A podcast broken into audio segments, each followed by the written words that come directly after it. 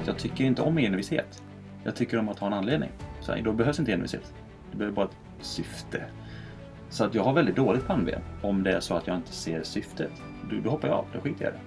Men om jag ser ett syfte, jag vet varför jag gör det, då slutar jag aldrig.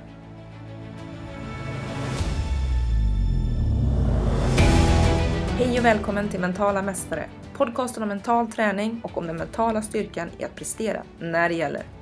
Mitt namn är Eva-Marie Vergård och jag jobbar som mental coach.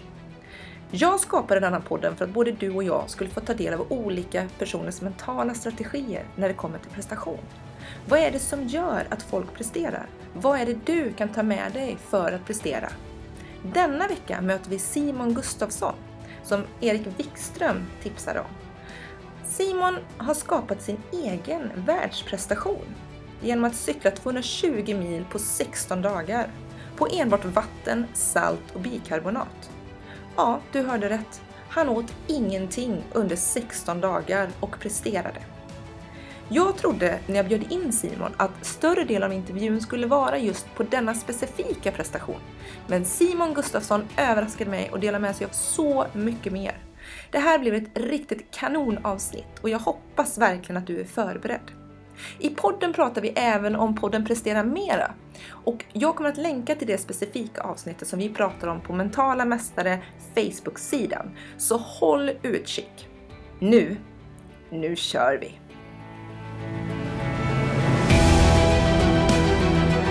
Välkommen till Mentala Mästare Simon Gustafsson! Tack så mycket. Hur är läget? Det är fantastiskt måste jag säga, helt klart. Hur kommer det sig att det är fantastiskt? För idag simmar jag 400 meter för första gången utan att drunkna. High five på den. Alltså shit, vad, vad, vad, vad var koden? Ehm, Skulle du säga? Fortsätta. Fortsätta? Fortsätta. Så idag sket jag i att andas för tredje gången utan jag simmade och andades varannat, varje armtag egentligen. Ja. Eller varannat armtag. Ehm, ehm, så att det var viktigt. Ja, och, och vi tänker förra, föregående pass, hur långt har du simmat då? Alltså, ja, 100-200 meter har jag Ja. kunnat lösa men jag har varit väldigt hård med att vi kunna köra vårt tredje andetag och allt det här, hålla tekniken. Men nu körde jag mina teknikdrills, jag gick igenom det som jag ska göra och så belönade jag mig att simma så länge jag kunde egentligen. Eh, utan att liksom pausa.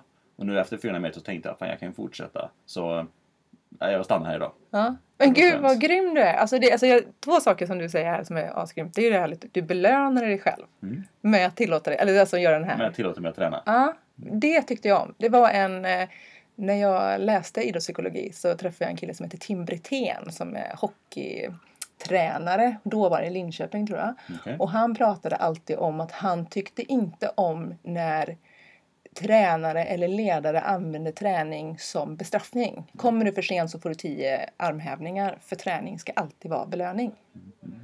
Så det... Men det kan jag absolut hålla med om. Definitivt. Alltså för mig så är det liksom att jag tränar varje dag i någon form. Ehm, och är det till och med så att jag kan springa i, liksom, i jeans bara tre kilometer runt området. För att det är lite grann som att borsta tänderna. Jag behöver få den här känslan att jag har bara rört på mig lite, lite grann. Och det vill jag göra. Ja, så definitivt, det är en belöning att få träna. Finns det någon gång när du inte vill träna? Ja, därför det finns väldigt många gånger som jag inte vill köra ett eh, hårt pass. Mm. Det finns, det finns, många, många pratar om men ett nyckelpass, ett kvalitetspass. Och det där, jag, jag, jag, brukar ofta, jag, jag benämner att intervallpass är kvalitetspass. Men man kan ju säga att alla pass är ju kvalitet för att de genomförs. Ehm, så att många gånger så kan jag ha intervaller på en tisdag, men har jag haft tuff session på jobbet, jag har haft mycket hårda beslut, så vet jag att min RPE, min upplevda ansträngning, kommer att vara högre för den givna aktiviteten. Så då flyttar jag på det. Så att jag kan definitivt ta bort ett pass som är, som är avsett att vara tufft och bara lägga in ett nu njuter jag. Och njuta är att hålla en konstant puls i 20-30 minuter och bara liksom låta tankarna vandra. Och, och då, det tyckte, jag var, det tyckte jag var någonting man vill lyfta fram. Just det här att kan, det är okej att byta ut ett pass för att Absolut. bibehålla motivationen. Antar jag. För, alltså det är så jag tolkar dig. Absolut, absolut. Så det har varit, alltså jag har ju säkert haft en månad tror jag, utan, utan, utan intervaller. Det är bara liksom, ja, men jag cyklar lite grann, det, tar en promenad, det som var helt och hållet bara skiter i allt vad, vad strukturerad träning heter. Ehm, bara för att ladda energi liksom. Så definitivt. Hur vet du när du är tillbaka in the game och kan liksom hoppa på din strukturerade träning? Ehm, det beror på hur nära ett mål är. Mm. Så, så här, just nu så har jag ett mål med Kalmar Ironman nästa år. Det vill liksom göra bra ifrån mig. Ehm, och alltså, konditionsmässigt så är jag redan där. Men jag är teknikmässigt i simningen så är jag jättelångt bort. Så jag är redan i träningen hela tiden. Det är motiverande att ta mig till bassängen för att om jag inte gör det så kommer jag inte få ut min cykelkapacitet, min löpkapacitet. Så att, alltså, om målet är tufft så, så, så ganska omgående skulle jag vilja säga. Ehm, men om, om målet är att springa, liksom, alltså, att göra någonting som jag vet jag klarar av med ganska lite träning så kan jag liksom ganska så slapp. Så jag behöver ha någonting att sikta på som är konkretiserat och det jag vet vad som krävs för att nå det. I simning vet jag inte än. Mm. Jag har ingen aning vad som krävs. Så just nu så tränar jag mycket för att få ett grepp av vad krävs det. Så att, så att, Och där tyckte jag var ganska schysst för att där är ju, för jag, så som jag tolkar ditt svar då, då är, mm, kanske du har lättare just nu att komma och göra nyckelpass i simningen. Och Absolut. nyckelpass kan ju verkligen vara 400 meter, alltså det behöver inte vara de här 4000 meterna som kanske ni som lyssnar och som simmar gör, men alltså vad som är nyckelpass för den nivån du är just nu. Det- absolut. Mm. Absolut, absolut. Alltså jag har mycket lättare att bara bibehålla i cykel och i löpet. Så jag kör något kvalitetspass på cykel varje vecka. Och så håller jag kontinuiteten i löpningen. Vilket innebär att det kan bli något intervallpass eventuellt. Om det är så att inte simningen påverkas. Så att det är simningen just nu som jag lägger allt fokus på. Jag måste lösa den. Annars så är det målet inte genomförbart. Jag vet att det går inte annars. Jag måste lösa det. En annan sak som du sa där också, det var ju det här med att den här mentala slitenheten. Och då måste jag ju lyfta fram er podd, Prestera Mera. För ni hade nämligen ett avsnitt för ett par veckor sedan om mentalt sliten Ja, och prestation. Och jag ska inte säga så mycket om det, utan jag tycker ni kan gå in och lyssna på det. Och så ska jag skälla på Jani Lassila för att du inte har tipsat mig om det. Bara så du vet det. Eh, Bra. så då har jag skällt på honom också live i podden. För det tycker jag var, det var intressant. Jag skulle ändå vilja backa tillbaka nu för att eh, jag skulle vilja veta mer om dig. Så vad har du för första minnen när det gäller att prestera? Och du får jättegärna gå riktigt långt tillbaka. Mm, mm. Um, alltså de första minnena som jag har är nog egentligen från, uh, från brottarträningen tror jag. Jag tror att det är från brottarträningen när jag var riktigt ung, 12-13 år. Eh, eller fotbollen för all del, men det var mer lek. Jag, liksom, jag var alltid avbytare more or less. Liksom. De skickade in mig när, när det var avgjort. Då var jag den som var uppe och störde. Men brottaren kommer jag ihåg där. För um, jag var, jag var, jag var um, så tekniskt dålig egentligen um, i brottningen att jag blev så... Jag blev, första, min första match fick jag möta distriktsmästaren i Västra Götaland. Matchen tog sex sekunder.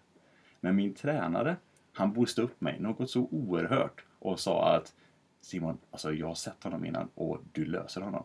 Det må vara din första match men du har skött din träning och du löser honom. Så jag gick in med så mycket självförtroende. Um, och sen försvann jag helt och hållet från jordens yta liksom. Men det är nog definitivt mitt starkaste minne. Um, uh, jag vet inte varför egentligen. Jag vet inte varför det är så starkt. Men han lurade mig, grund, han grundlurade mig verkligen. Men det var eh, en kul upplevelse. Jag vet inte varför. Vad, vad, vad hände i matchen efteråt?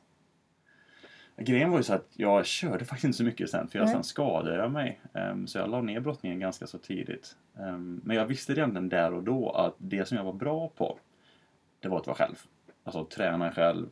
Ehm, jag hade inga problem att liksom utföra mina läxor i brottningen om det må vara liksom stretchingsövningar eller mobilitetsövningar eller vad det nu var. Då. Ehm, jag tyckte inte om lagsporter riktigt. För det krävdes att man kom till en viss träning vid en viss tidpunkt och eh, det var så mycket, det var så mycket beroende av andra. Ehm, så att vid brottningen lärde mig egentligen att det var min första, det var min, det var min första, första möte med individuella idrotter. Att, att jag är själv. Det är bara min prestation beror på mig själv. Ehm, så kanske också därför det mötet, min första match, var så, är så stark hos mig. Och, men om vi bara går tillbaka till den här boosten av självförtroende. Var det någonting du kunde ta med dig längre fram?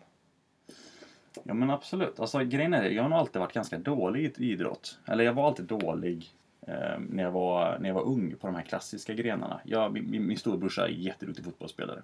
Eller var. Eh, så jag följer hans spår. Ehm, men jag var, jag, jag har gjort tre mål i hela min karriär. Mellan sju års ålder till Jag tror jag la ner när jag var 15 och sånt där. Gjorde tre mål som forward. Liksom, alltså det, det, det var ett av de här målen kan jag inte ens ta cred för, för den studsar på mig. Så jag har två vänsterfötter som är brutna, så jag är otroligt dålig bollsinne. Um, men när jag väl var, alltså det jag var duktig på, det var, eh, jag hade inte för kondition. Så jag var, jag var duktig på lagträningarna när vi skulle springa Cooper. Jag var duktig på när vi testade liksom beep-test och liknande. Då var jag duktig när det var att nöta. Så jag visste att jag hade fallenhet för kondition. Um, men så började jag med friidrott och då kom jag återigen in i de här klassiska hjulen. 100 meter, 200 meter, höjdhopp, spjut och så vidare. Och så var jag dålig igen. var jag sämst. Um, men jag fick en riktig boost när jag liksom blev, alltså togs in utav friidrottsgruppens eh, långdistansidrottare. Där var liksom snittåldern 35. Jag tyckte det var gubbar allihopa. Hur gammal var du då? Jag var 16 tror jag. 16, Så ja. det var precis när jag liksom valde att liksom släppa fotbollen. Um, och då sa de till mig bara shit vilken talang du är. Och jag bara säger jag är inte talang liksom. Jag har gjort det här länge. Jag har sprungit hur mycket som helst. Men jag har bara sprungit med nu ett par veckor. Så min motivation där var att nu gör jag någonting det jag, det jag vet att jag är bra. Jag har en fallenhet för. Och det jag kan påverka hur bra jag blir genom att liksom, sköta min träning, liksom, sköta min, min, min satsning. Och där blir jag ju nyfiken eftersom du då som 16-åring tyckte att nej men jag är ingen talang utan detta har jag gjort tidigare. Vad har du för syn på talang?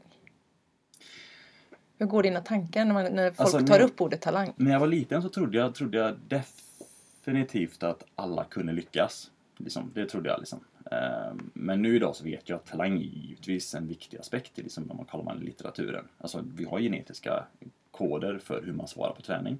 Hur bra fettoxidation man har.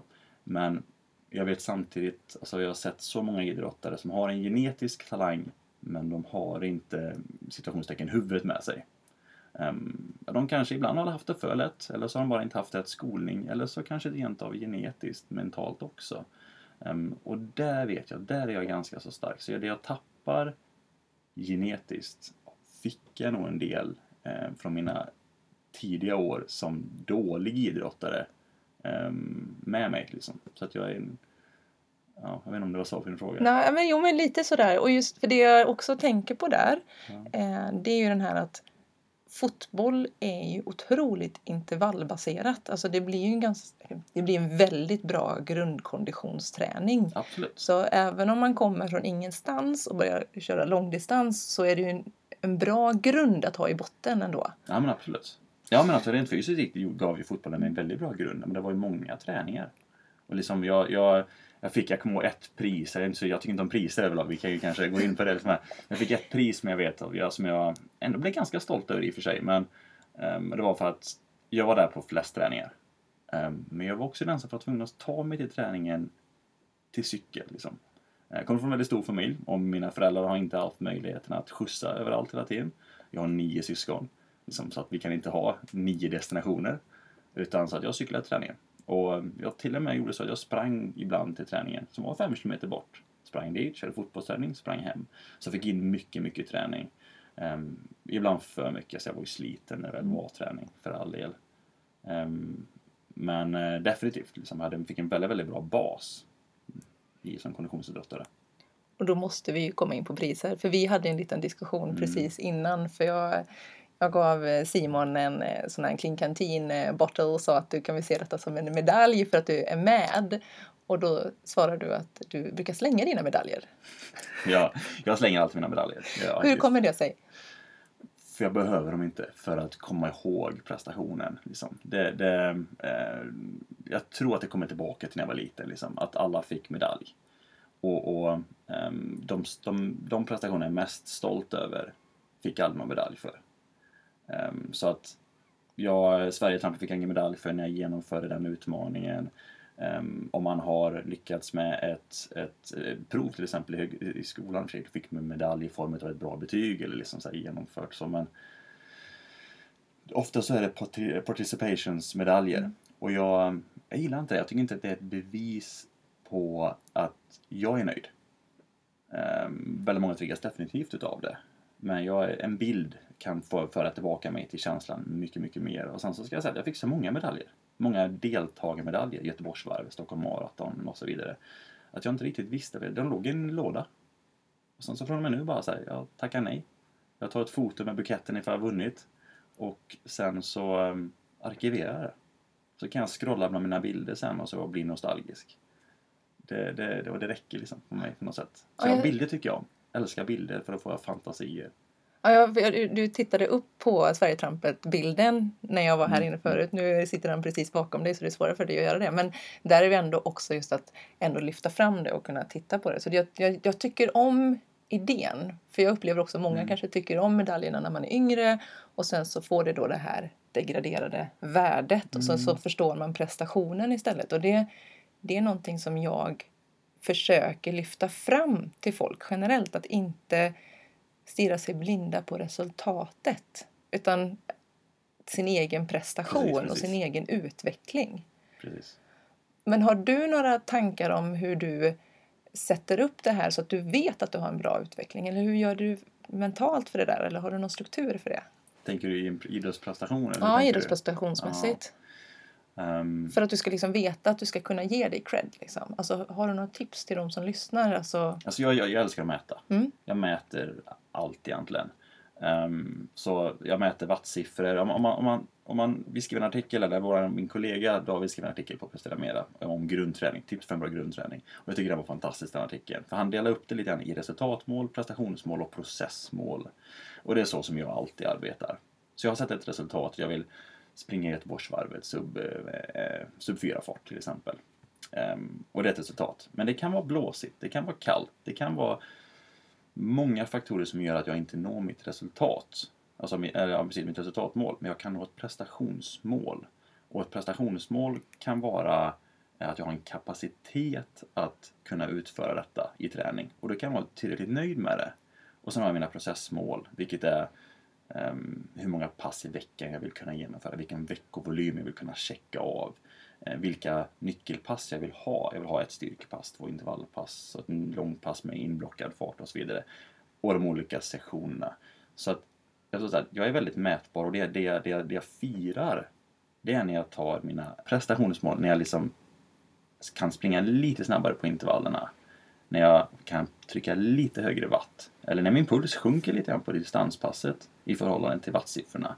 Då firar jag. Då ser jag liksom att här är en utveckling, här är en fysisk utveckling.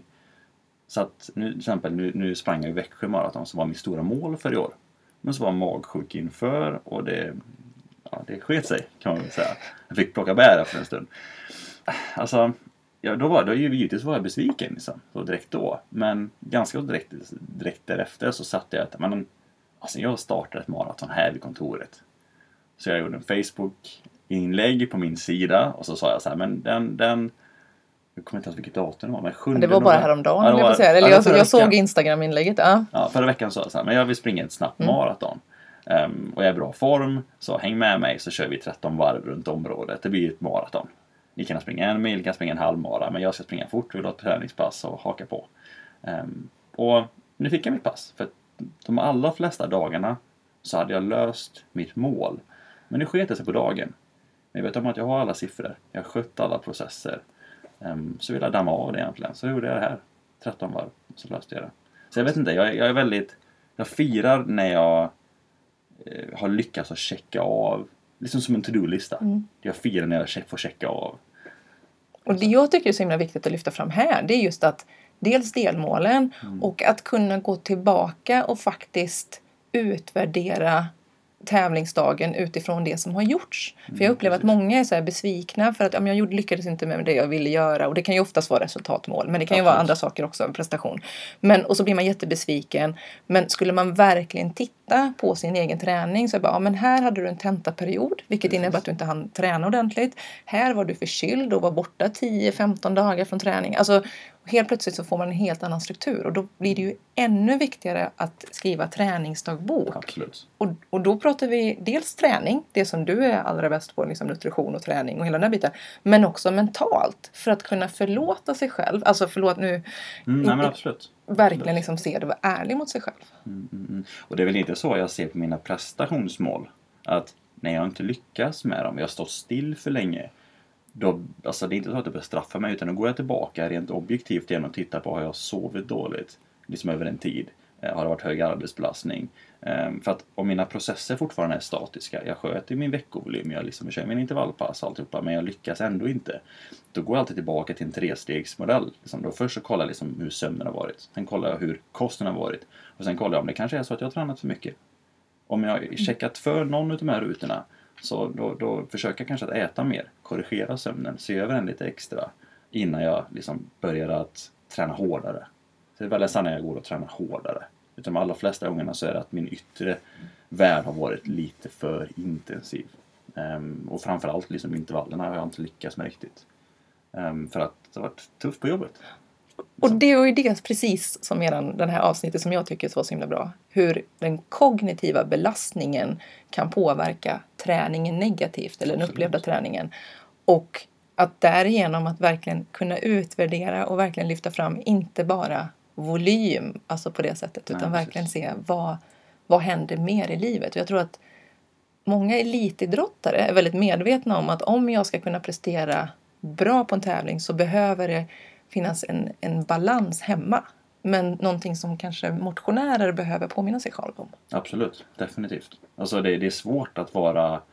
Nej, inte svårt, men... Det är en utmaning. Det är en otrolig utmaning. Det är en otrolig utmaning. Det är ett livspussel. Och de allra flesta löser livspusslet när, när ingenting inträffar. Men vi är, alltså, vi är alltid på väg in i en kris eller ur en kris. Eller så känner vi någon som har en kris. Alltså, det, det, så är det alltid liksom. Så att livet är aldrig statiskt. Så att jag lägger upp träningen Alltså jag har ett fyra veckors block och sen lägger jag upp träningen på två veckor. Men jag kollar alltid av söndagen, hur ser veckan ut? Och så gör man liksom en korrig, små korrigeringar. För livet, alltså det går inte att göra fyra veckors plan och sen bara så det här checkar jag av. Det har, det har aldrig hänt. Alltså jag gör en to-do-lista varenda dag som är mål vad jag ska checka för. Men det är väldigt ofta jag i slutet på dagen liksom misslyckas liksom, det, det, jag lyckas med mina prioritetsgrejer för jag låser alltid förmiddagen.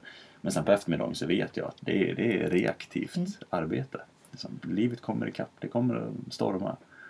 Det det är bara att acceptera. Kan man acceptera det så kan man styra enkelt. Snyggt. Det, jag tyckte om det ordet, att acceptera. Ja. Och sen därigenom få... Korrigera. ja, precis. Vad har du för relation till tävling? Alltså jag är inte nervös på tävlingar. För att alltså, det är ju egentligen som förtäckta träningspass, ser jag det mycket som. Jag tävlar väldigt mycket. Så att det, för mig så är det perfekt att tävla. Jag älskar att tävla för att det är så, det, vägen är avstängda. Man kan känna sig som en rockstjärna. Jag körde tempo-SM för första gången i år. Eller någonsin. Mm. Jag menar, det, det var ju helt fantastiskt. Alltså det, det, en kille står bakom mig, håller i cykeln, man ser proffs ut med alla åtstramade kläder. Um, och det låter coolt med diskhjul. Men, alltså, man, men det är ett träningspass i mångt och mycket.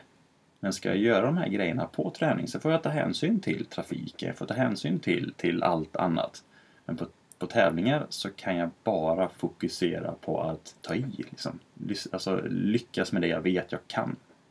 Så jag älskar att tävla. Alltså, jag tycker det är fantastiskt. Det är, det är ett sätt att lyfta, alltså se var min nya kapacitet ligger. Och så backa tillbaka och så utvärdera mina intervallpass. Liksom, har varit kan jag ta i hårdare nu? Kan jag flytta min upplevda ansträngning? För jag älskar att tävla. Jag älskar att tävla. Alltså jag bara älskar den inställningen. Alltså det här är gjort för mig. De har byggt den här banan. De har stängt av det här. Ja, alltså, det är fantastiskt. Det, alltså det blir ju en, en, en helt annan mental liksom, ingång till tävling än vad många upplever. Det tror jag. Har det alltid varit så eller hur tog du dig dit? Nej, det har det aldrig varit. Eh, nej, det har det inte varit. Det har det inte varit. I och med att, alltså jag tyckte inte om att tävla um, när det var längdhopp, uh, höjdhopp uh, och de här grejerna. För jag var så...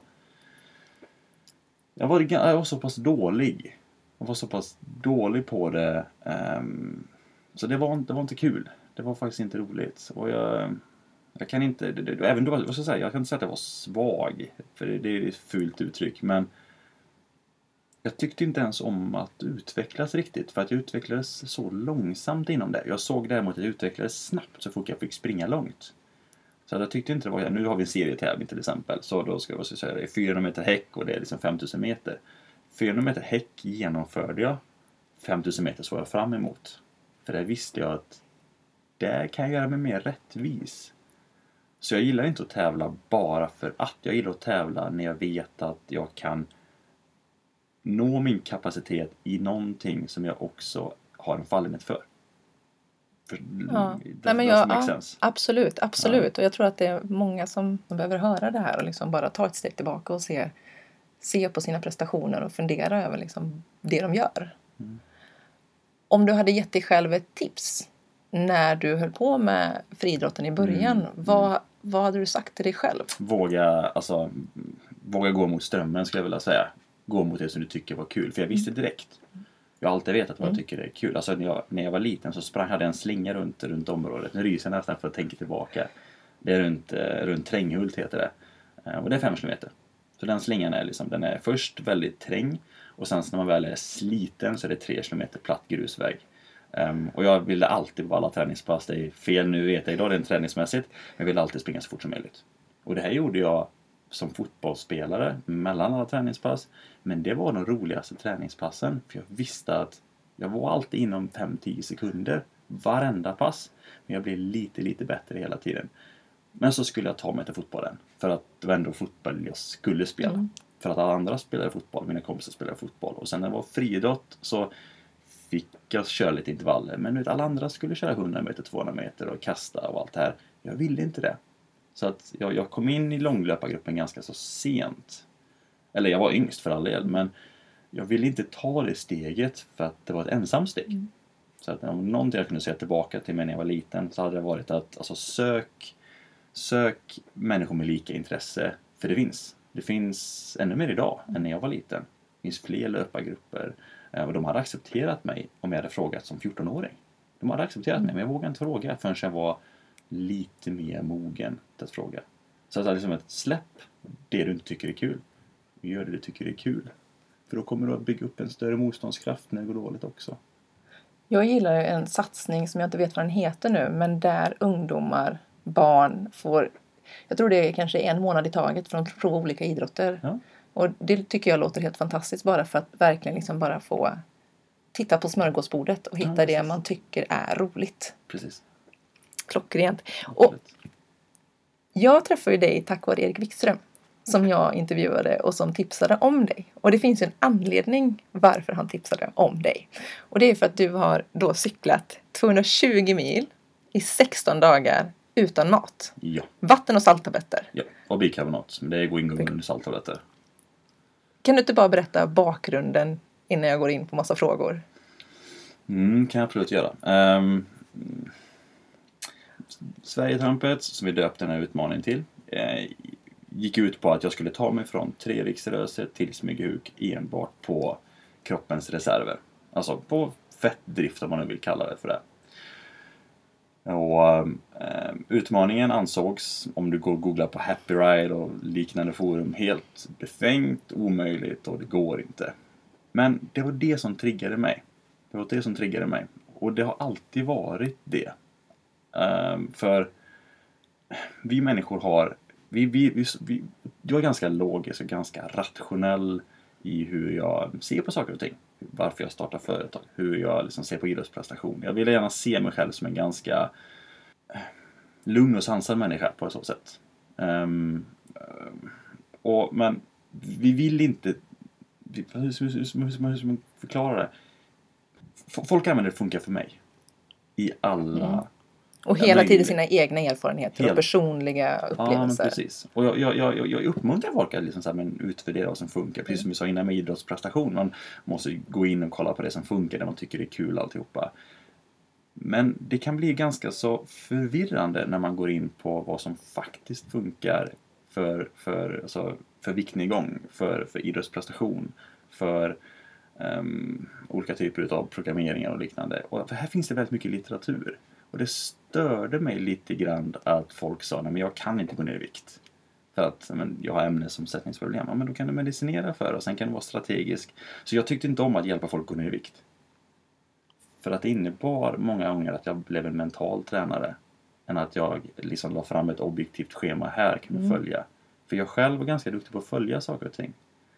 Ehm, ehm, så Sverigetrampet var liksom att jag vet om att det, det här Sverigetrampet går att genomföra rent fysiskt. Världens längsta fasta är 382 dagar.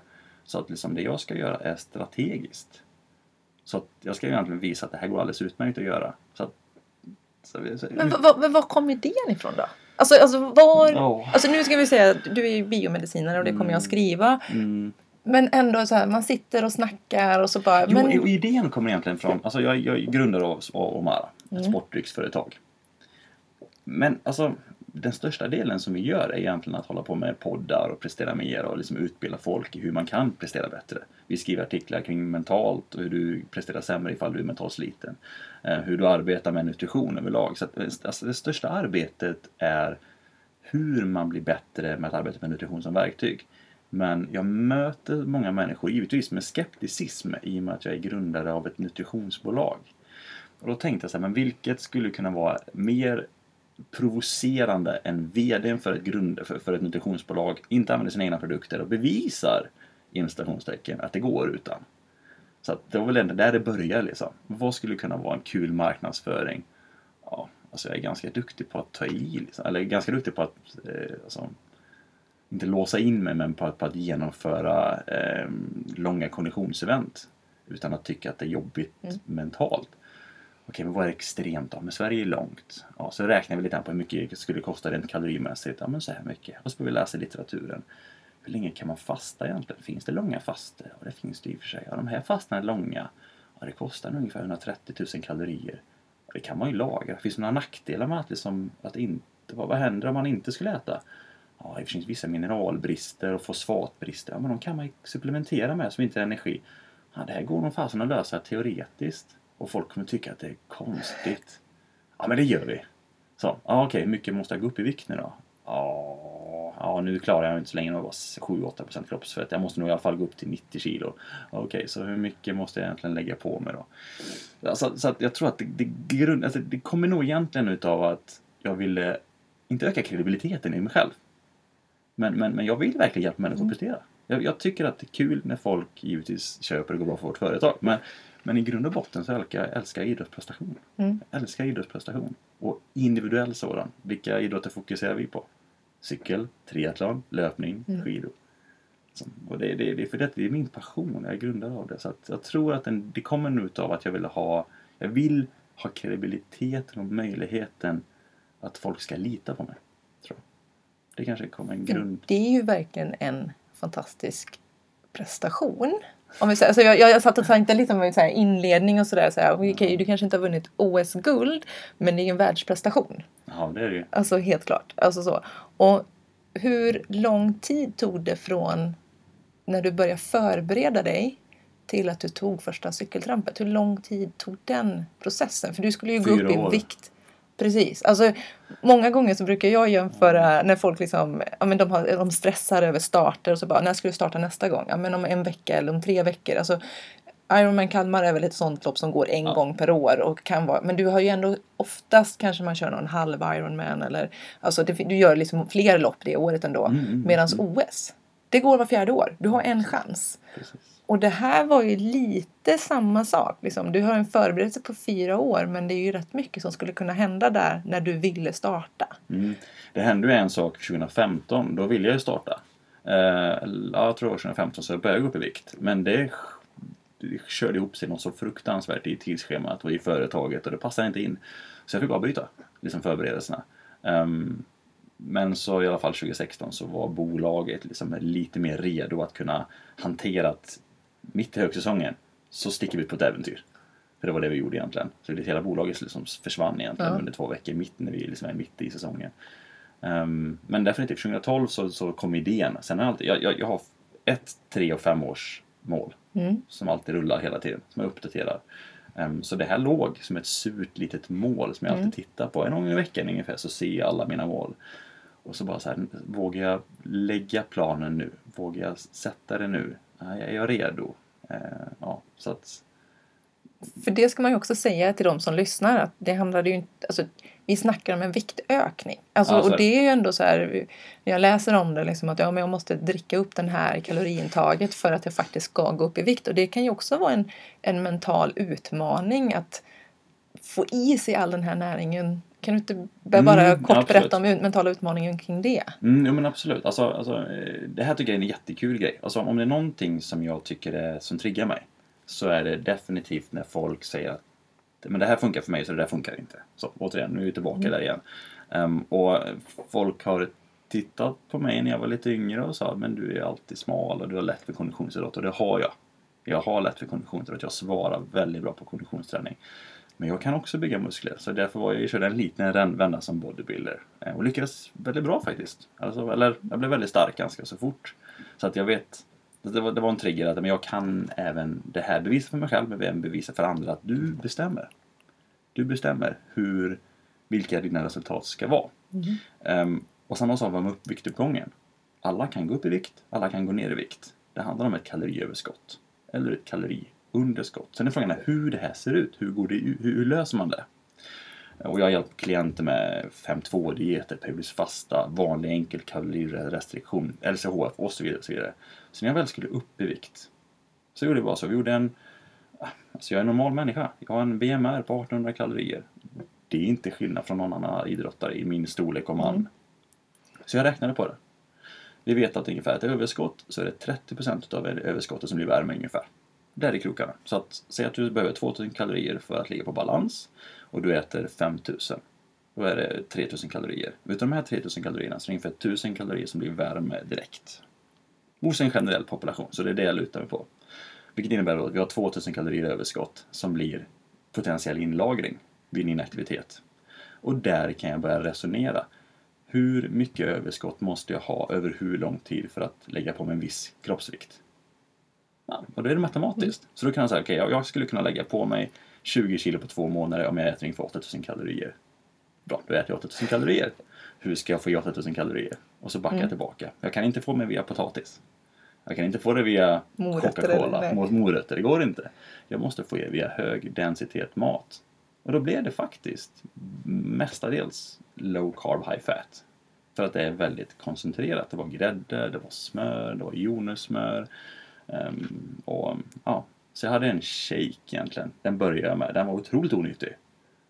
Otroligt onyttig. Um, den innehöll ungefär 4000 kalorier. Jag kommer inte exakt ihåg nu men jag, i stort sett har jag en, en, en halv liter grädde, kommer jag ihåg. En halv liter grädde, eh, två tredjedelars jordnötssmörsburk. Bara den var på typ 1200 kalorier tror jag. Och, och halv liter grädde var också väldigt mycket givetvis. Eh, och sen en liter glass. Och så mixade jag detta. Ehm, och sen hade jag nog två bananer för smak. Och eh, försökte bara snacka, alltså, alltså snacksa på, på, på jordnötter och gärna med salt på för det är lättare att kunna få i sig mer ifall det är sö, alltså ifall de är ehm, processade. Naturliga, jord, naturliga nötter är alltid det är nyttigt men det, det, det är alltid lättare ifall de är saltade, sockrade och så vidare för att få i sig lite extra. För det är onyttigt. Ehm, och den här liksom så här dosen utav energi försökte jag få i mig vid lunch varje dag. Så visste jag ungefär att resterande tid utav dagen så har jag 3 500 kalorier. Och då kan jag belöna mig att äta okej mat. Lite mer normal mat. Så jag åt normal mat, men jag hade min skräpsession som jag liksom var tvungen att få i mig. Eh, För bra mat kan jag inte få i mig så mycket. Det går Men, inte. och, men alltså det som slår mig är som jag tänker bara rent eh, kopplingarna från hjärnan till magen. Att magen bara, jag vill inte ha det här. Ja, Eller vet ja. man illamåendet, man bara, fast jag är mätt nu. Det här. Alltså sådär. Alltså hur, hur gjorde du för att komma över det? Liksom bara, höll du för näsan höll jag på att säga, och bara drack? Eller? Alltså, alltså, efter en dag ungefär så är du ju nöjd. Så är det ju. Det, det, det, är, det är som ett efter ett julbord. Sen när, Ja. det väl, när det väl är ett jul, efter, dagen efter ett julbord så är man inte jättehungrig igen. Eh, Men jag ska fortfarande få i mig samma mängd energi. Så det handlar mer om att komma tillbaka till, till statist. Alltså, vi vet att om det är så att vi är på eh, alltså, ett överskott så kommer kroppen att sända ut att du inte är hungrig. Vi behöver inte gå in på grelin och leptin och olika liksom, så här hormonella varianter men vår kropp tycker om en balans. Om vi går upp ett kilo per år i vikt så är det 7000 kalorier för att lägga på oss den viktmassan. Men äter vi 2000 kalorier varenda dag så är det nästan 900 000 kalorier på ett år. Så det är, vad är det, vad är det en halv procent som är som diffen mellan liksom vad vi äter och vad vi, vad vi faktiskt lägger på oss. Så det är otroligt lite. Så vår kropp är som en väldigt, en väldigt duktig termostat. Och är vi idrottare och får en hög insulinkänslighet och äter bra mat, då är vi viktstabila. Det är väldigt få som pendlar mycket, alltså framförallt uppåt över lång tid som konditionsidrottare. Så jag var tillbaka till, till litteraturen. Jag behöver äta 8000 idag och sen nästa dag. Sen är det bara att acceptera, annars kan jag inte läsa mitt mål. Jag måste läsa mitt mål. Och det här är så, nu kom jag in på det här tidigare än vad jag hade tänkt egentligen. Okej. För att jag, när man lyssnar på dig så känns det som en av dina copingstrategier så fort det tar emot. Jag har ju läst Ja. väldigt mycket artiklar men just det här liksom att okej nu eh, får jag upp suget här vid lunchtiden därför att eh, det är då jag brukar äta maten men då kollar man på klockan och vet att nu kommer det sluta om 30 minuter för det är vetenskapligt bevisat. Alltså det känns som att en av dina copingstrategier är just det här vetenskap. Vad är alltså det rationella tänkandet som du har? Eh, hur har du hamnat där? Alltså hur, har du alltid varit rationell eller är det liksom universitetets fel? Alltså plugghjärnan om man säger så. Är det liksom där eller har du, hade du de strategierna även när du var 16, 17? Och, Jag vet faktiskt inte. Om jag ska vara helt ärlig så vet jag faktiskt inte. Alltså vart det kommer ifrån. Ehm, när började det? jag har alltid varit envis. Ja, Men, men, men å andra sidan, jag, jag, jag tror inte att... Alltså, jag, om det är någonting som jag brukar hacka på så, eller, så är det att jag tycker inte om envishet. Jag tycker om att ha en anledning. Så då behövs inte envishet. Det behöver bara ett syfte. Så att jag har väldigt dåligt pannben om det är så att jag inte ser syftet. Då, då hoppar jag av, då skiter jag i det. Men om jag ser ett syfte, jag vet varför jag gör det, då slutar jag aldrig. Förrän jag bestämmer mig att jag byter riktning. Så jag vet inte, jag tror att den rationella delen, var kommer den ifrån? Jag vet inte. Pappa är jäkeln. Han är en envis svans. Ja, för jag tycker att det här är så himla viktigt att lyfta fram. För jag, jag själv brukar ju lyfta ur min hjärna istället. Alltså jag använder inte vetenskap men däremot så brukar jag liksom lyssna på min hjärna när den säger så här fast nu är det jäkligt jobbigt och nu gör det väldigt ont. Men då kan jag titta på min hjärna fast du bestämmer inte över mig. Precis. För jag bestämmer över dig. Fast då har, då, det är ju inte den jag behöver inte ha något syfte utan det är bara att jag bestämmer över min hjärna när den tycker och Ja, saker. Och, jag kan, och sen kanske jag indirekt vet att den försöker lura mig. Men det är så himla varmt och mysigt under täcket. Varför ska vi gå ut? Och, så. och då kommer ju syftet fram. Därför att jag vill Mm. tävla den här eller jag vill prestera så här eller vad det kan vara. Ja, men det använder jag också väldigt mycket. Jag vet, eller definitivt, just det som du sa där, det kan jag direkt koppla an till att när jag är väldigt trött så kan jag liksom direkt veta att men, alltså, det här är fysiskt. Min hjärna vill att jag ska vara trött just nu. Jag frisätter väldigt mycket serotonin just nu. Alltså det är så min hjärna fungerar. Så att, och då kan jag acceptera den signalen och putta vidare för att jag inte klarar den. Så att, men definitivt. Så, um, så ja, men det, det, men det är den akademiska varianten. Att förstå att hjärnan inte bryr sig nödvändigtvis om att du vill genomföra Göteborgsvarvet på en viss tid eller sådär. Utan den, den, den, den att hålla dig i någon form av homeostas. Så, men, ja, jag tror jag, nej, nej, ingen aning. Jag vet faktiskt inte. Ja, men det intressant. Och det, och det jag tänker att du som lyssnar, det Mm. du vill ta med dig det är att försöka se vad skulle du kunna använda? Alltså vilken strategi skulle du kunna använda för att nyttja när någonting i dig börjar säga att du behöver stanna eller sen om det är liksom, alltså behöver du prata om hormonnivåer eller räcker det liksom att snacka med hjärnan eller hur du gör? Det spelar inte så himla stor roll. Nej, nej precis. Alltså, ja, det, det här är ju väldigt människor väldigt, väldigt olika. Liksom hur man behöver och, och vent- jag, jag, jag ventilerar väldigt mycket mina känslor själv. Det är väldigt sällan som jag ventilerar till någon. Men jag pratar väldigt högt för mig själv. Jag går ofta omkring och liksom pratar högt så att jag hör vad jag säger. Och sen när jag väl har gjort det så kan jag liksom jag kommer på väldigt bra liksom, saker och ting när jag är ute och springer. Så, så, så, till, och med att folk, jag, jag, har, jag, har jag sprungit ikapp någon eller som jag inte har sett så ser jag nog väldigt underlig ut. Det tror jag. Men vissa människor behöver ju ventilera mer face to face. Alltså de, de, de träffas och pratar. Generellt sett så sägs det väl att det är en kvinnogrej men det är det ju verkligen inte så. Men jag öppnar ju inte upp mig för en människa på samma sätt. Utan jag öppnar upp mig för mig själv i min ensamhet. Och då känner jag mig... Det är lätt att vara logisk. Det var lätt. Alltså när, I Sverigetrampet så hade jag ju hjälp av mina kollegor. Men de fick alltså instruktioner hela tiden av mig att håll er antingen långt fram eller långt bak. Jag vill inte ha din pepp. Jag behöver vara min bubbla. För min, min bubbla så är det... Det kan jag kontrollera. Jag kan kontrollera smärtan i axlar, smärtan i rumpan, smärtan i huvudet. Jag kan kontrollera den om jag är själv. För jag kan resonera med min apa som sitter på min axel och, och, och, och tycker att jag ska hoppa av cykeln. På något sätt. Sen så är det gött att träffa dem liksom så här Ja. mellan varven liksom och så här få bara prata om annat. Men ehm, jag vet inte. Jag, Alltså det är så himla mycket bra saker att lyfta upp. Alltså, jag måste bara plocka ut det här. Dels det här med att, att prata högt med sig själv. Jag tycker om att skriva. Alltså jag, det är så jag kommunicerar. Någon annan kanske, precis som du säger, behöver prata med någon annan för att liksom reflektionen. Men just den här reflektiva delen. Ja, precis. Alltså vikten av det. Och sen nummer två, eh, kommunikationen. Det pratar jag också med Agnes Knochenhauer nu vid curling.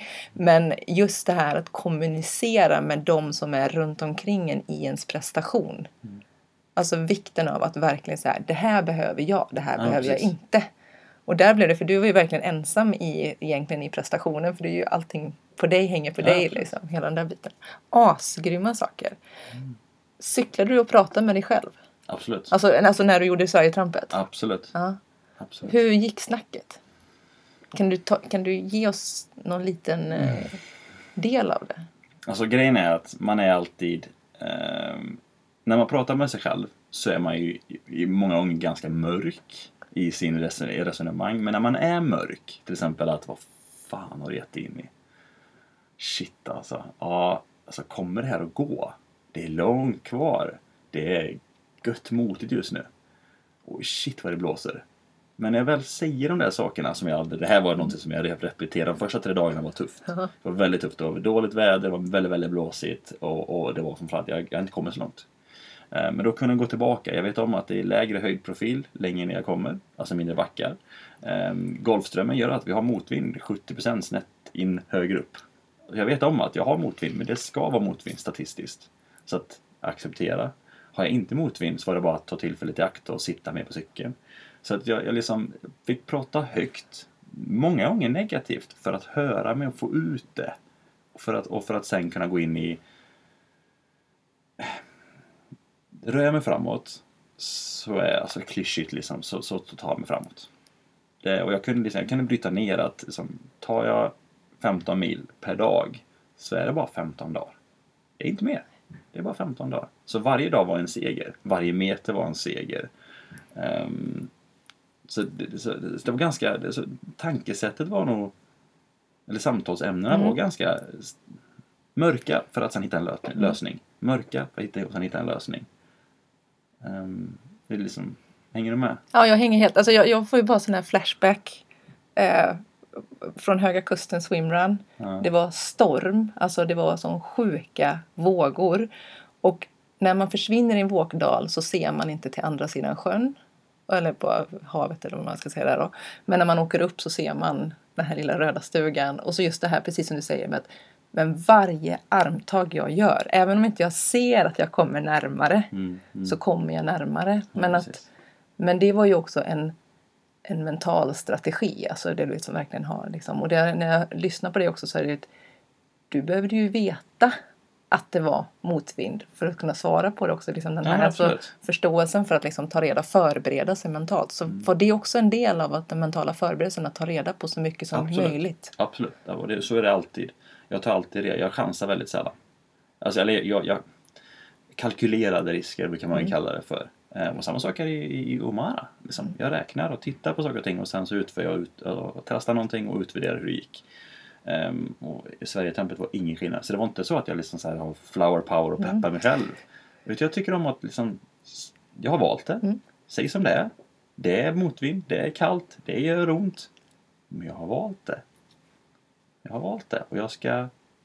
Alltså, alltså på ett sätt så, så i början, vissa gånger så tänkte jag att jag ska bevisa att det går. Men då tänkte jag det säkert inte, lite klyschigt, inte klyschigt men alltså den längsta fastan var 382 dagar. Så att det 15 dagar är ingenting. Visst, jag lägger på aktivitet på det här. Och lägger till ont i rumpan och lite, lite, så här, lite eh, komfortproblem. Men jag vill det så här, jag, jag, jag tror att jag, jag min, förminskade min aktivitet, min, min prestation när jag gjorde det. För att jag inte skulle, alltså lite grann, suck it up. Mm. Litteraturen ljuger inte, det funkar, du kommer lösa det. Blir du inte sjuk så inga konstigheter. Och sen bara trampa vidare. Så jag kunde, så det var ingen sån här, det var ingen peppresa för mig själv på något sätt. Sen har jag alltid motiverat, jag har massa bilder i husvagnen och motiverade människor och idrottsprestationer. Men jag tittade faktiskt inte så mycket på dem för jag kunde inte identifiera mig med dem riktigt. Men jag kunde identifiera mig med vissa saker som inte bilden sa. Till exempel, eh, vad heter han nu? Ehm, han Amazons grundare, en, en, en, en, en Mm. eh, stor idol till mig. Vad heter han nu? Inte Ho Chi Minh, jag är nu helt fel givetvis. Men, men, men en- han, han har haft väldigt mycket motgångar liksom så. Men många av hans citat är grymma. Så, så inte framgången i sig, men motgångarna. Så jag Mm. kunde liksom se deras prestationer, veta om att de har haft motgångar och så kunde jag liksom zooma tillbaka och se på min smärta just där och då. Mm. Liksom. Och sen hade jag en sak som hjälpte mig väldigt mycket faktiskt. Jag var nästan onödigt mycket. Ehm, vi mätte mitt blodsocker hela tiden. Ehm, vi trodde inte det skulle bli så lågt faktiskt. Alltså rent fysiskt så trodde jag inte det. Ehm, det låg mellan 2,5 och 3 i stort sett hela tiden. Det tog någon dag så gick det under fyra, sen så låg det mellan 3, 4 och tre.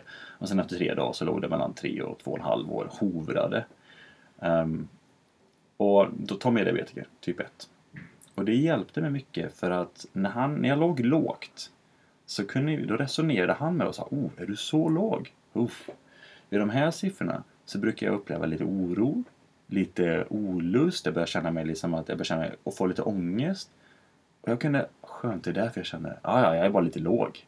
Jag behöver nog bara ta det lite lugnt. Och sen när jag väl såg att siffrorna hade ökat, så bara, ah, nu är faktiskt de fysiska siffrorna bättre så jag borde inte känna så mycket oro, jag kan nog fortsätta.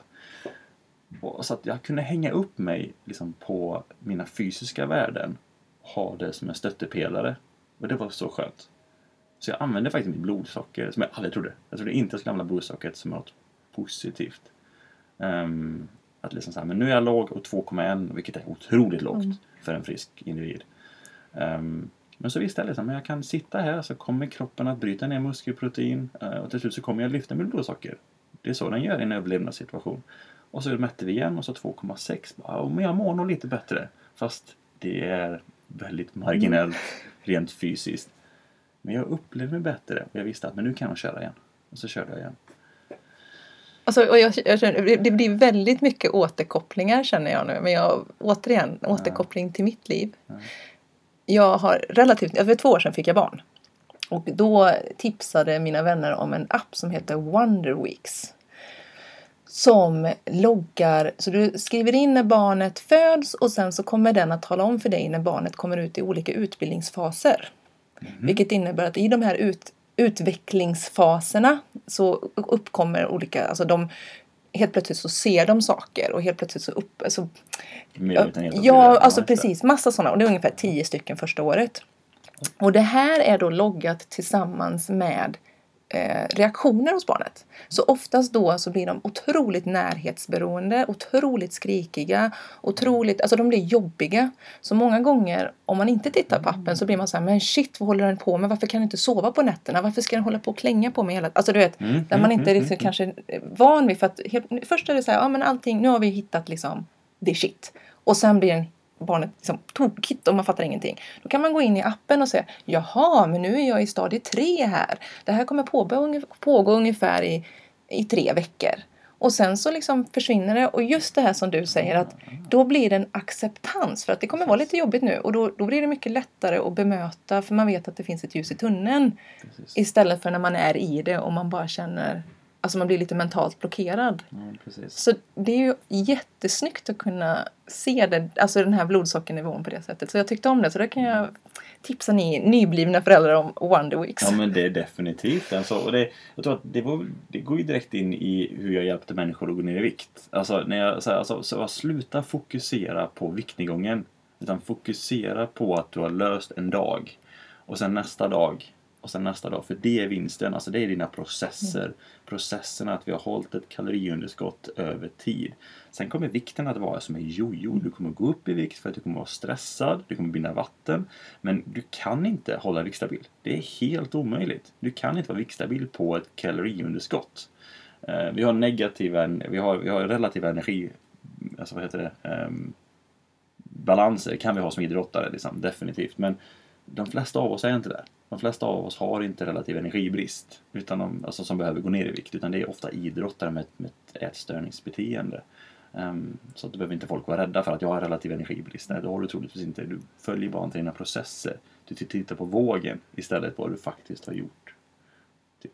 Ja men klockrent, klockrent. Och då förstår jag också när du säger det här med att du nästan blev mer mental tränare Ja, precis. än... eh, En fysisk alltså, tränare. Ja. Ja. precis. De här människorna som eh, tyckte att nej men vad, det här kommer aldrig gå. Alltså de, de här negativa kommentarerna. Ja, det är bara eld egentligen. Alltså, det är bara Det var bara eld. Ja men så Alltså- är det, det är bara positivt. Och det är klyschigt men det är verkligen så. Så är det verkligen. Alltså jag fick, jag fick en Ola Wallengren tror jag. Som är professor på, på, eh, på Sahlgrenska som hjälpte mig med detta. Ehm, fantastisk kille. Ehm, alltså han sa ju liksom, ja ja, alltså, rent fysiskt inga konstigheter. Men alltså, det ska göras Simon. Liksom, du kommer att ha ont. Det kommer att vara jobbigt. Ehm, men alltså rent fysiskt, ja absolut. Inga konstigheter. Så att, så att de som var negativa, de som, jag har aldrig brytt mig om sånt. Eller givetvis tar jag åt mig som alla människor. Jag är inte, Mm. jag är inte, jag är inte en gås. Men när folk är när folk arbetar med det funkar för mig i olika aspekter så försöker jag att läsa igenom vad är det objektiva liksom, i deras det funkar för mig. Um, sen liksom, om, någon, om någon går in på Facebook och frågar liksom, så här, men det, vilken pannlampa ska jag köpa? Alltså alla kommer att säga liksom, den pannlampan de äger. Men jag kan titta på alla de här svaren så kan jag sen så här, se, är det någon som är missnöjd? För är om någon som är missnöjd med ett köp de har gjort, då håller de undan. Inte? Nej, Mm, inte, ja, men, inte. ja. Men, men, men för de allra flesta tycker de att rättfärdiga vad de har gjort. Så att ofta så arbetar jag kanske med att fråga mig det funkar för mig för att filtrera vilka varianter finns det? Sen jag in i objektiva liksom, tester och ser vad är batteritid, vad, är, liksom, vad ska jag ha den till? Och man kan få lite tips på, ja men den här är klumpig att springa med. Ah, skitbra. Men men jag, jag, jag, jag, väldigt sällan som jag tar ett beslut utifrån det funkar för mig. Och jag försöker att så fort någon har sagt det så försöker jag att inte ta på skygglapparna men liksom, det, det, det, det klämtar en klocka liksom. Okej? Nu har vi någon här som, som tar fram som är det emotionella kortet här nu. Ehm, vad är det faktiskt det handlar om? Ehm, ja. Snyggt, snyggt. Och jag känner att jag skulle kunna sitta och prata hur länge som helst med dig. Men jag vill ju också veta, vad har du för nästa mål nu? Har du någon ny utmaning? Mm, jag har lite små delutmaningar. Men det, det stora utmaningen det är ju Ironman Kalmar. Mm. Så är det. Eh, och rent fysiskt så bör jag, det här är kaxigt som tusan, nu bör jag kunna göra sub 9. Jag tror det. Liksom, titta på siffrorna så bör jag kunna göra sub 9. Um, men då måste lösa simningen. Så det är ju liksom, det är definitivt nästa. Men så har jag lite delmål bara för att det är skoj. Ehm, och, eller tar vi Växjö till exempel nu Växjö 12 timmar. Så springa runt, runt, runt i en, i en hall. Ehm, eh, Det är dessutom inomhus. Ja. Det finns inga 377 intryck. meter. Nej. Förutom folk som äter. Ja, precis, precis. Ehm, och, och det gillar jag. Jag älskar att springa runt, runt, runt, runt, runt, runt, runt. Och sen den där prestationen, den passar mig jätte, jättebra. Så det är en liten belöning faktiskt, bara för att på vägen till Kalmar. Ehm, för just nu så är det inte så mycket fokus på löpningen. Så jag ligger inne i en löptävling ehm, bara för att. Så, så den är ju kul. Så den vill jag väl kunna, och då vill jag kunna hålla mig vi kan hålla mig springandes, alltså löpandes i 12 timmar. Och så får vi se hur långt jag kommer. Jag bör kunna komma en bit över 10 mil utan problem. Förhoppningsvis kommer jag 11 eller till och med 12. Jag kommer att starta i 5.50 fart för där är det så lugnt, så lugnt, så lugnt. Och sen så får jag korrigera om kroppen, beroende på hur kroppen känns. Ehm, men det vore coolt. Så den är häftig. Men sen har jag egentligen Nordensjösloppet. Det är väl en av mina stora delmål kan man väl säga. För det har du inte gjort innan utan det blir första Ja, jag gången. gjorde förra året. Ja, du gjorde det förra året. Jag Ja. gjorde det förra året och den anmälde mig på ett infall alltså. Det var jätteskoj. Är väldigt duktig konditionsidrottare. Stark, eller stark konditionsmässigt. Men jag kan inte åka skidor. Ehm, och, Hur långt är det? 22 mil. 22 mil. För Jo, den som förstår. Och det är väl typ tre eller fyra stycken Vasalopp. Ja, Eller hur? precis. Ja. Ja. det är det.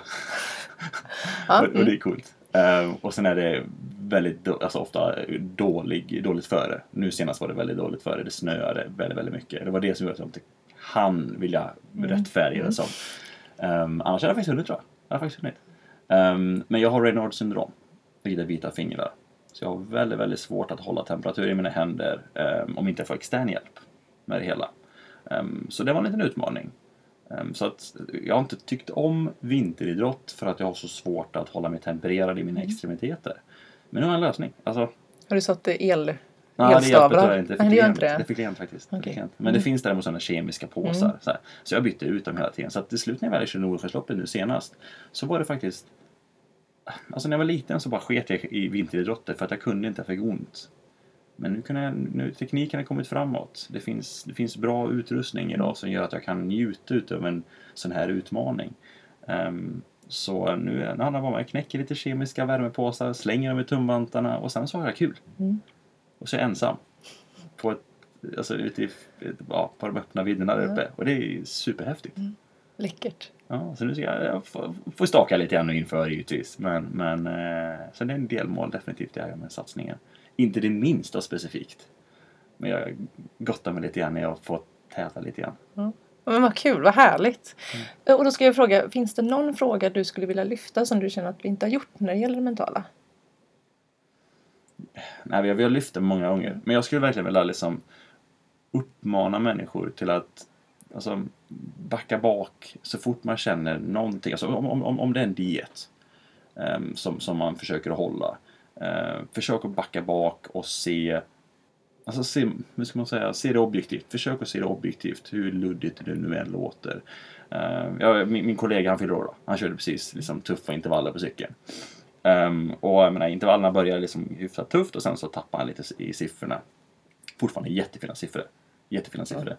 Och jag, jag, alltså nu behöver inte han med hjälp för all del, men många blir demoraliserade när wattsiffrorna kan gå ner över ett pass. Liksom, det kan vara liksom 300 första, 270, 250 och de kan bli väldigt demoraliserade. Och jag sa att men alltså, hur såg pulsen ut? Hur var den upplevda ansträngningen? Ja men den var lika hög, jag kunde se siffrorna. Så här, men den var lika hög. Ja, men, och så mätte vi även laktatet. Alltså hjärtat tyckte det var tufft. Laktatet var definitivt högt på det sista. Så att vatten gick ner. Men du genomförde fortfarande ett fantastiskt bra pass. Så skit i vatten. Skit i vatten, för de andra multiplarna var bra. Och lite grann så vill jag titta på, på kosten och viktning gång. Liksom att titta på dina multiplar. Titta på målet men gå tillbaka till det objektiva. Eh, Jag vet inte, det är så jag funkar. Det är lätt att, att se resultatet i förväg om du förstår vägen dit. Så, så gör din läxa liksom. Läs på. Läs på om hur det funkar med kalorier. Läs på hur det funkar med hunger. Till exempel att mm, förstår man att den är tidsstyrd. Under Sverigetrampet så får folk fråga alltid folk mig, var du inte hungrig? Jo, jag åt inte. Så visst tusan ville min kropp signalera hunger. Men accepterar jag den, att den kommer vid lunch, för att jag alltid äter lunch, så, så kan den sen passera. Och, och jag har inte käkat lunch nu. För du kom precis lunchen. Jag vill, säga, jag vill inte äta före. Utan, och då, visst, jag var lite hungrig precis innan. Men nu har det gått över. Det, det, är så, det är så det funkar. Så förstår man fysiken så är det lätt att navigera kring för mig, och nu ska jag inte säga det funkar för mig, men det är väldigt skönt att, att, att luta sig mot någonting som är rationellt, som är grundat i någonting som vi vet. Klockrent. Ja. Vem skulle du vilja att jag intervjuar i den här podden? Och finns det någon fråga du skulle vilja att jag ställer den personen? Eller motivera varför du tycker att jag ska intervjua I den mentala personen. mästare liksom. Så. I det forumet. Ja, alltså jag skulle nog säga liksom, han, han, han intervjuade vi, men han ska lägga ett annat prägel, ett annat filter på det hela. Johan Stene. Johan Stene. Ja. Ja. VD för Technion och eh, våran, alltså en av våra absolut mest framstående ultralöpare just nu. Började springa vid 37 års ålder, nu är han 45. Och han, är, han började springa för han kände sig gammal. Nu, han är så inspirerande så jag ryser. Alltså, han är så häftig den här människan, tycker jag. Det är en fin inställning till, till, till idrott. Fin inställning till, till idrottsprestation och han, eh, han lever och andas ehm, träning egentligen. Ehm, det är en mental liksom, avkoppling för honom. Så definitivt, Johan Sten är ultralöpare, tveklöst. Det låter helt underbart. Ja, men då, då ska jag kolla upp honom. För jag tyckte om det här med att jag började springa för att jag kände mig gammal. Alltså bara det är inspirerande. Mm. Och han ska faktiskt göra så här, jag ska lyxa till det med ett 24 timmars lopp i Taiwan. Så jag bara, ja, du är knäpp. Men det där är ju fantastiskt. Jag, I hans värld så är jag eh, alltså en burk filmjölk liksom, när det kommer till ultralöpning. Som jag kan identifiera mig så mycket med honom på många, många plan. En väldigt, väldigt fin människa, tycker jag. Toppen. Tack så jättemycket Simon. Tack för att jag fick vara med.